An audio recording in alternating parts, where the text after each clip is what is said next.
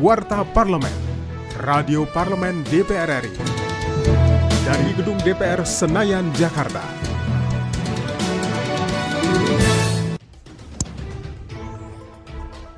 Di era digitalisasi saat ini, kedaulatan data dan keamanan di ruang cyber merupakan bagian integral dari kedaulatan bangsa Indonesia yang tidak bisa dikompromikan. Anggota Komisi 1 DPR RI, Dev Akbar Safikarno menegaskan agar upaya memperkuat badan cyber dan sandi negara menjadi agenda prioritas pemerintah, terlebih lagi ancaman keamanan cyber dan tuntutan kemajuan teknologi terus membayangi di era digitalisasi saat ini. Menurutnya kemajuan teknologi digital harus terus diupayakan oleh segenap elemen bangsa dan bangsa Indonesia jangan sampai tertinggal. Ancaman terus meningkat, teknologi terus maju. Sekarang ini kita memasuki industri 4.0 tetapi sekarang sudah persiapan memasuki 5.0 di negara Eropa Barat dan Amerika. Banyak yang menolak 5G, mau langsung jam ke 6G. Sedangkan Indonesia yang 4G saja belum 100%, ungkap Dev Akbar Safikarno. Politisi fraksi Partai Golkar ini pun menjelaskan tugas BSSN yang sangat penting oleh sebab itu lembaga ini harus mendapatkan dukungan dari segi anggaran dan landasan hukum yang kuat. Dia menganalogikan kondisi BSSN yang punya tanggung jawab tinggi tetapi persenjataannya masih minim. Dev juga mengungkapkan di awal 2020 bahkan di penghujung 2019, DPR RI dan pemerintah sudah semangat membahas Undang-Undang Perlindungan Data Pribadi dan juga Undang-Undang Keamanan Cyber. Akan tetapi situasi pandemi COVID-19 dan kondisi politik, Undang-Undang Keamanan Cyber mental dari daftar prolegnas prioritas.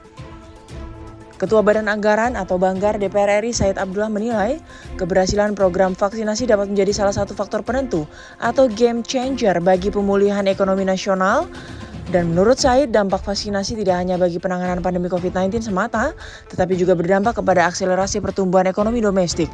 Said menjelaskan momentum keberhasilan pelaksanaan vaksinasi sangat penting, apalagi sejauh ini menurutnya perekonomian nasional sudah melewati masa-masa genting. Memang pada triwulan kedua 2020, pertumbuhan ekonomi terkontraksi hingga minus 5,32 persen. Tetapi setelah itu tren pertumbuhan ekonomi terus menunjukkan angka membaik. Semua indikator lanjut Said baik dari sisi pengeluaran maupun dari lapangan usaha menunjukkan ke arah perbaikan. Selain program vaksinasi, Syed Abdullah menegaskan program PEN tetap akan berlanjut pada tahun ini. Hal tersebut dinilai krusial guna membantu masyarakat yang terdampak COVID-19, sehingga perlu terus ditingkatkan baik untuk perlindungan sosial maupun pemulihan sektor usaha mikro, kecil, dan menengah atau UMKM. Di sisi lain, secara global, saat ini negara di dunia termasuk Indonesia sedang menikmati aliran modal dari pasar internasional. Kondisi ini menurutnya sebagai dampak kebijakan Bank Sentral Amerika Serikat yang memperlakukan pelonggaran kuantitatif atau kuantitatif easing yaitu dengan melakukan pembelian obligasi besar-besaran guna menambah likuiditas serta membangkitkan perekonomian Amerika Serikat yang mengalami resesi akibat pandemi COVID-19. Namun demikian, legislator Dapil Jawa Timur 11 itu juga mengingatkan Bank Indonesia dan pemerintah Indonesia perlu waspada terhadap titik balik kebijakan moneter di Amerika Serikat tersebut. Sebab kebijakan QE tidak selamanya akan berlangsung diakibatkan sangat tergantung pada kondisi perekonomian Amerika Serikat itu sendiri. Demikian Warta Parlemen, Televisi dan Radio Parlemen, Biro Pemberitaan Parlemen Sejen DPR RI, Syarat Nafsari.